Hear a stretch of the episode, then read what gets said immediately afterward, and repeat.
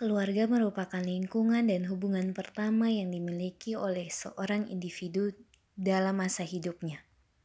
Di dalam keluarga itu sendiri selalu terjadi interaksi yang dilakukan untuk mengetahui perkembangan dan keadaan masing-masing anggota keluarga. Interaksi yang dilakukan dapat berjalan lancar dengan adanya komunikasi. Komunikasi sendiri merupakan kegiatan yang paling sering kita lakukan dalam kehidupan sehari-hari. Komunikasi juga merupakan hal penting yang diperlukan untuk menyelesaikan masalah dalam sebuah hubungan. Lalu, bagaimana komunikasi dalam keluarga dapat menjadi efektif antara orang tua dan anak? Pertama-tama, mari kita pahami apa itu komunikasi atau definisi dari komunikasi. Menurut James A. F. Stoner, Komunikasi merupakan sebuah proses di mana seseorang berusaha memberikan pengertian yang bisa dilakukan melalui cara pemindahan sebuah pesan. Sedangkan menurut M. Rogers, komunikasi merupakan proses suatu ide dialihkan dari sebuah sumber kepada orang lain.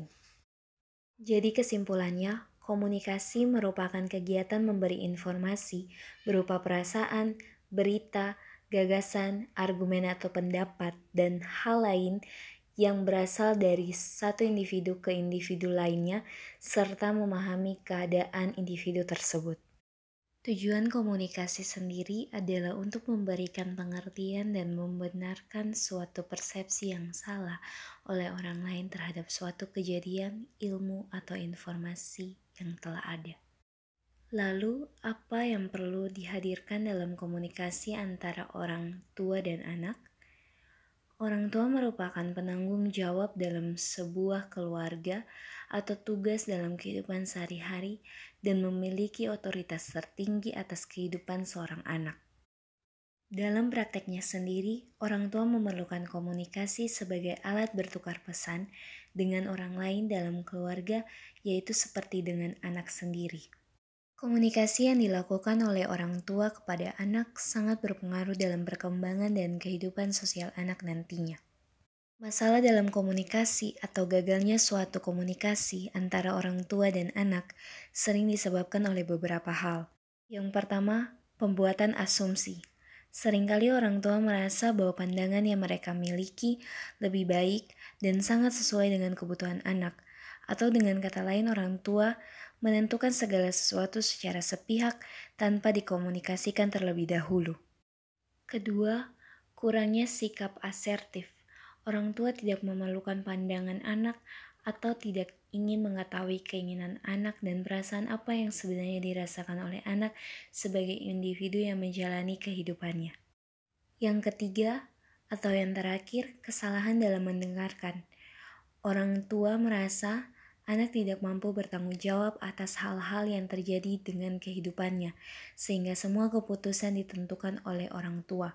Hal ini juga disebabkan oleh pemikiran orang tua tentang minimnya pengalaman anak, padahal bisa saja anak lebih tahu keadaan atau masa sekarang yang tidak dapat disamakan dengan masa lalu atau zaman di mana orang tua mereka tumbuh. Kemudian, apa saja yang dapat kita lakukan untuk menciptakan komunikasi efektif antara orang tua dan anak?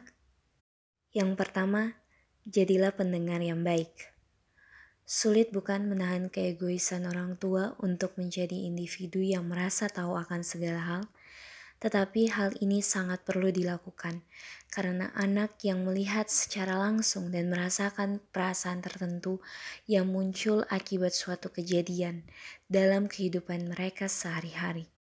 Yang kedua, berbicara dengan anak. Dalam hal ini, berikan perhatian penuh terhadap pembahasan atau topik komunikasi yang sedang berlangsung.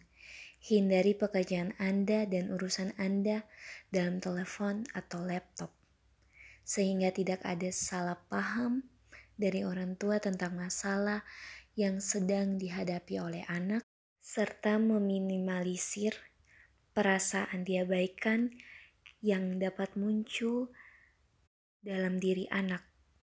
Yang ketiga, berikan mereka waktu untuk melakukan respon terhadap apa yang Anda sebagai orang tua sampaikan Dalam kesempatan ini, anak memiliki kesempatan untuk melatih kepercayaan diri untuk mengungkapkan pendapat terhadap orang lain.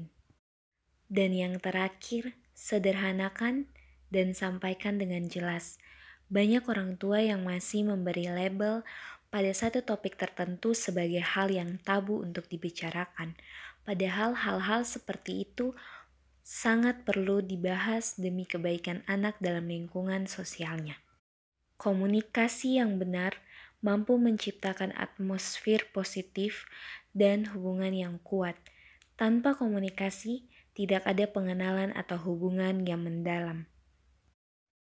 Demikian sedikit pembahasan tentang komunikasi efektif antara orang tua dan anak. Sekian dan terima kasih.